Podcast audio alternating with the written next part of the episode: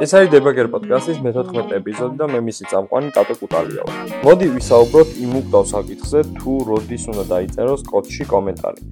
იდეაში თაობები გაიზარდა ამ თემაზე, კიდე ბევრჯერ იქნება ამაზე საუბარი და მეც ვიფიქრე, რომ რაც ჩემი წვლილი შემეტანა ამაში, რადგანაც ყოველდღე ძალიან ბევრი ადამიანი იწყებს software development ინდუსტრიაში შემოსვლას და კარგი იქნება ზოგადად ყველასთვის კარგი იქნება რომ მალე გაიარონ ის ეტაპები და გააცნობიერონ სად და როგორ შეიძლება სწორად დავწეროთ კომენტარები რადგანაც ისე ყველასთვის სასიკეთო იქნება ეს ამბავი. კომენტარის თემა ისეთი რომ მარტივი წამოსაწყებია როგორც ადრე ტაბები და სპეისების ურთაბძოლა იყო. თუმცა დღეს ვფიქრობ 2020 წლისთვის დეველოპერმა რო ისაუბროს ტაბებზე და სპეისებზე ცოტა არარელევანტურია მაგრამ მაინც ან ძალიან ადვილია გავს თემებზე საუბრის წამოწყება.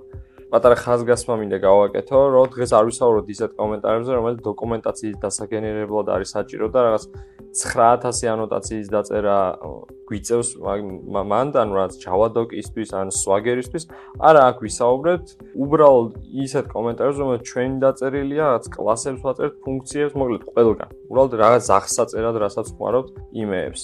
კომენტარის დაწერა შესაძლებელია ყველგან, რაც ძალიან ძლიერ ხელს აწყობ აქცევს მას, მაგრამ ამავდროულად ძალიან მარტივია თავი დავიზიანოთ. რას გულისხმობ ამაში და გავართულოთ პირიქით იმ ინფორმაციის მიწოდება, რაც წესით მარტივად უნდა გადაგვეცა კომენტარის სახით. ანუ კომენტარების სისტემა ზოგადად კომუნიკაციის საშუალებაა და ისევე უნდა ვეცადოთ მის გაუმჯობესებას, როგორც სხვა ნებისმიერ ჩვენ უნარჩვევებს, რადგანაც კომენტარის სახით შეგვიძლია მომავალში ჩვენ თავს რაღაც ინფორმაცია გადავაწოდოთ, ან გუნდის წევრებს გაუზიაროთ კონკრეტული ინფორმაცია თუ რატომ დავწერეთ რაღაცა ასე, თუ რატომ მივიღეთ ასეთი გადაწყვეტილებები. ძალიან ძლიერი ხელსაწყოა თუ გამოვიყენებთ სწორად.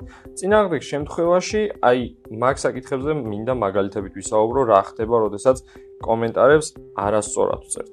მოდი იმაზე შევთანხმდეთ, თუ რამე გლობალური აღსაწერია, ან რაღაც ნაბიჯ-ნაბიჯი ინსტრუქცია, ან რაღაც სისტემური დიზაინი, ეგეთი ასები კომენტარებში და რაც კლასის თავზე დაწერას ჯობია რომ ან დოკუმენტაციის სახით კონდეს ყოველთვის გამოყოფილი, რაც აბსტრაქტულად გვექნება ეს ყველაფერი ჩამოწერილი, ამიტომ მაგაზეც არ ვსაუბრობ დღეს. კარგი და მოწესრიგებულ რაღაც კოდს, აი ჩვენ რო გვიყვარს სიტყვა clean კოდი, მაგას არ ჭირდება კომენტარი. რადგანაც თვითონ კოდი ხსნის თავის თავს მარტივად. თუ კოდი არ არის იმ დონეზე მარტივი, ეგ უკვე ინდიკატორია, რომ რაღაცა დავარეფაქტოროთ. თუ როდის არის clean კოდი, აი ეგ ცოტა რთული შესაძლებელი არის, იმიტომ რომ ამის მარტივი ბულიან საზომი არ გვაქვს, აი 0 და 1 ან აი წუხელ მე ცუდი კოდი მქონდა, მოდი დღეს დილი დავარეფაქტორე და სო ეხა გასუფთავ და ყველაფერი კარგად არის. არა, ეს არის უფრო მიმდევრობა, პროგრესია, სადაც ვთქვით, რომ მარჯვენა კუთხისკენ გადავიხაროთ, საითაც clean კოდი გვეგულება და მუდამ იქითკენ პროგრესირებდეთ. ასეთ მაგალითს მოვიყვანო. მაგალითად, როდესაც წერთ, ალბათ ყველას ვიფიქრია, რომ აი ხა ეს უნდა დავაკომენტარო. კარგი არის, როდესაც ვფიქრობთ, რომ ეს უნდა დავაკომენტაროთ, მაგრამ პირველ რიგში სანამ დავაკომენტარებთ, უნდა დავარეფაქტოროთ. იმიტომ რომ როგორც მანამდე ვთქვი, კოდი თავის თავს უნდა ხსნიდეს მარტივად. თუ თავის თავს ვერ ხსნის კოდი მარტივად, ესე იგი კოდშია ჯერ პრობლემა და ზედმეტი მოვალეობები აქვს, რაც მათ არ უნდა კონდეს. მაგალითისთვის, თუ ფუნქცია თავის თავს მარტივად ახსნეს, ესე იგი ფუნქციას ბევრი მოვალეობა აქვს და ჯერ ფუნქცია უნდა გავხლიჩოთ, ან რაღაც რაღაცნაირად დავარეფაქტოროთ იგივე კლასებზე. თუ კლას ერთ დავალებაზე მეტი აქვს, ის ერთი მოვალეობა, რაც უნდა შეასრულოს იმაზე. მეტი აქვს, მაგას კომენტარი არ უშველის, მაგას ჭირდება რეფაქტორი, რომ გქონდეს მხოლოდ ერთი მოვალეობა, ვალდებულება რაც უნდა შეასრულოს და ემსახურებოდეს მაგას. ასეთი კლასის გაგება კომენტარის გარეშეც შესაძლებელია მარტივად, რადგან თვალნათლივ გვიჩვენებს რა საკეთებს და რა არის მისი არსებობის მიზანი. რაც პრინციპში solid პრინციპებიდან პირველივე არის single responsibility principle, ანუ აქ ერთადერთი მიზანი რომ არსებობდეს და ასევე ერთადერთი მიზანი რომ შეიცვალოს. თუ ჩვენი კოდი არ არის ასეთი, ნიშნავს რომ ჩვენ ვარღვევთ ამ პრინციპებიდან, ანუ ერთ-ერთ ფუნდამენტურ პრინციპს. და მაგას კომენტარი არ უშვებს. კომენტარი პირიქით უფრო აბინძურებს, ანაგვიანებს და ზედმეტ არასაჭირო ინფორმაციას გვაძლევს ამ კლასის შესახებ. კიდევ ერთ მაგალითს მოვიყვან ცუდი კომენტარისას, მაგალითად ავიღოთ სორტირების ფუნქცია. ან უკეთესი API-დან დავაბრუნეთ რაღაც data set-ი და გვინდა ამაში string-ი ძებნა. რაც ფუნქციის თავზე რო დავწეროთ, რომ აი ეს არის ძებნა, ეძებს ასე და ასე, მაგალითად, პირველი 500-ს ადარებს ერთმანეთს არ ვიცი. რაღაც იღებს ასეთ პარამეტრს, აბრუნებს აი ასეთი ტიპი ობიექტების ტიპის ლისტს. ამას ისევ ხედავთ, რას იღებს და რას აბრუნებს და return types უწერთ და თვითონ ფუნქციის შინ რაც წერია, იდეაში ეგ ეგ ძებნის ალგორითმიც იმდენად მარტივი უნდა იყოს, ანუ მხოლოდ ძებნის ალგორითმი ეწეროს, რომ ჩვენ არ უნდა გვჭირდებოდეს გარკვევა და ამის ახსნა. თუ აი ფუნქციის თავზე ამის ახსნა, რომ რატო წერი ასეთი რაღაცა შიგნით. თუ ძებნის გარდა ის სხვა რაღაცას კიდევ აკეთებს, მაშინ ისე უნდა დავარეფაქტოროთ, რომ მივიყვანოთ იმდენ, რომ მხოლოდ ეწეროს რაღაც. ის რაც მას ეხება ამ ფუნქციის სახელიდან გამომდინარე და შემდგომ უკვე დავაწეროთ თუ რამე არის კომენტარი თუ რატომ მივიღეთ რა კონკრეტული გადაწყვეტილებები. ამავდროულად მოდი კიდევ ვიტყვი ერთს, რომ კომენტარების ფუნქციას ითავსებს ტესტები. ტესტები მუდამ განახლებადი არის, წესით უნდა იყოს კოდთან ერთად, იმიტომ რომ კოდი თუ შეიცვლება და ტესტი გაწითლდა, ნიშნავს რომ ტესტი უნდა გავამწვანოთ და ყოველთვის კოდთან ერთად ტესტიც განახლებული არის. რასაც ვერ ვიტყვით კომენტარებზე, რადგანაც კომენტარებზე არ მუშაობს არანაირი static analyzer-ები, არანაირი highlighting-ი არ გვაქვს, არაფერი კომენტართან არ მუშაობს, რადგანაც ყველა უგულებელყოფს მას, ანუ რჩება სუფთა ადამიანურ ფაქტორზე. მე თუ რაღაცა ბიზნეს დავალება შემეცვალა და კოდი იგივე კოდი შევცვალე და კომენტარი იგივე დავტოვე, ეხლა მაგ პრობლემა.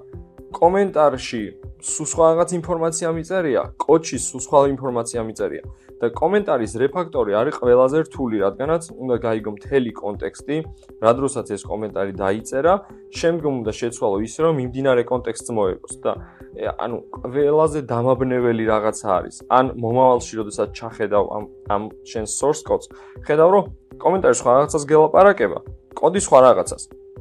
როდესაც კოდს შეცვლი, ხშირად გავიზრდება კომენტარის შეცვლა შესაბამისად. ამ ანუ ეს არის იმ შემთხვევაში, როდესაც არასწორ დროს დავწერეთ კომენტარი და შემდეგ გივიწევს მისი შენარჩუნება. თუ სხვა დეველოპერს შეხვდა საერთოდ, მაგალითად, ჩემი კოდი, ხო? მისთვის ორმაგად პრობლემატურია, რადგანაც უნდა გაიგოს, რატომ წერდი ამას ასე და კომენტარის წაშლა არ უყვარს ბევრს. იმიტომ რომ ვაი და ეს სადაც დამჭირდეს, რაღაცისთვის მნიშვნელოვანი იყოს, აქ აღწერა წერია, რაღაც, მოკლედ ძალიან ხლართავს, ძალიან ბევრ დროს გვახარჯინებს და ძალიან ბევრ ნერვებს. ამიტომ ტესტებს შეუძლიათ ბევრი ამ კაი თვისების შეთავსება, რაც კომენტარები უნდა აკეთებდნენ. მაგალითად, როგორ მუშაობს ფუნქცია, რას ველით მისგან, როდის, state management-ი როგორი არის, ეს ყველაფერი ტესტებში ჩანს. და კომენტარებში ამის წერა საერთოდ არაა საჭირო. და კომენტარები ყველაზე მალე ძველდება, როგორც უკვე ვთქვი. კარგი. მე თავიდან ვთქვი, რომ კომენტარებზე საუბარი ძალიან ძველი ამბავია. აი მაგალითად დავლინკავ აღწერაში ერთ-ერთ სტატიას coding horror-იდან მოდის, რომელიც Jeff Atwood-ის არის, Stack Overflow-ს შემქმნელის, ჯერ კიდევ 2006-ში წერდა, რომ code tells you how, comments tell you why. და სწორედ ეს არის ის, რაზე თელი ეს თელი პოდკასტი მინდოდა მესაუბრა, რომ კომენტარები უნდა დავწეროთ მხოლოდ მაშინ, როდესაც გვინდა პასუხი გავცეთ კითხვას, რატომ? კოდი გვეუბნება რაღაცა როგორ გავაკეთოთ, ხოლო კომენტარები გვეუბნება როგორ.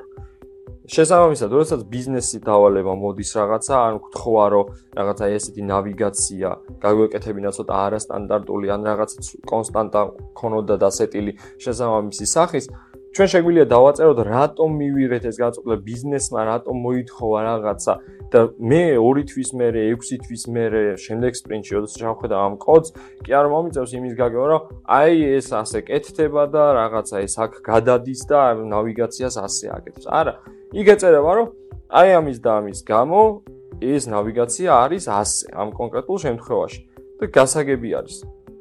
მეტი კომენტარის ფუნქცია და თვისება მან არ არის რა, მან თავდება. ასე დაწერილი კომენტარები გაცილებით ცოტა იქნება source code-ში, გაცილებით სწრაფად მოხერხდება source code-ის შენარჩუნება ნაკლებად იქნება დაბინძურებული არასაჭირო ინფორმაციით source code და კომუნიკაციის საშუალება ეს კომენტარი ბევრად უფრო უკეთესად იქნება მთელ გუნდში გამოყენებული. რადგან junior developer-ები დაინახავენ ამ მაგალითს და ასევე ამ სტანდარტებით გაიზრდებიან, ეს კომუნიკაციის თლიანი ესე ვთქვათ, გუნდური კომუნიკაციაც ბევრად გამარტივდება. მოგლეთ, ბევრი რო აღარ ვისაუბრო, კომენტარებს ვიყენებთ კითხვაზე რატომ და ჩემ სხვა შემთხვევაში გვაქვს კოდი. დიდი მადლობა ყურადღებისთვის, შევხვდებით შემდეგ ეპიზოდში.